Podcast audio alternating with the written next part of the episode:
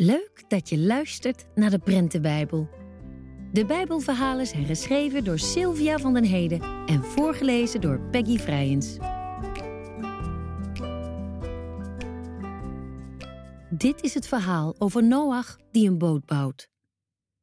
Er zijn heel veel mensen op aarde, maar ze doen niet wat God wil. Wat goed was, maken ze slecht. Alleen Noach is anders. Hij houdt van God. God zegt tegen Noach: De mensen doen niets dan kwaad. Het spijt me dat ik hen heb gemaakt. Ik veeg de hele wereld schoon. Overal zal water zijn. Daarom moet jij een boot bouwen. Ik stuur dieren naar je toe. Die mogen in de boot.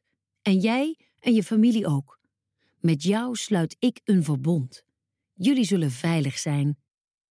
Noach doet wat God zegt, maar de mensen lachen hem uit. Ze geloven niets van wat Noach vertelt.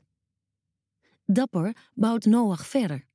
En na een poos is de boot klaar. Het is niet zomaar een boot, het is een ark. De ark is erg groot. Er is plaats voor heel veel dieren.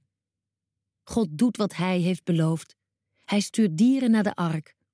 Van elk diersoort is er een mannetje en een vrouwtje. Ook Noach en zijn gezin gaan naar binnen. En God doet de deur achter hen dicht. Hopelijk heb je genoten van dit verhaal uit de Prentenbijbel. Wil je meer verhalen uit de Bijbel ontdekken? Ga dan snel naar bijbelgenootschap.nl/slash prentenbijbel.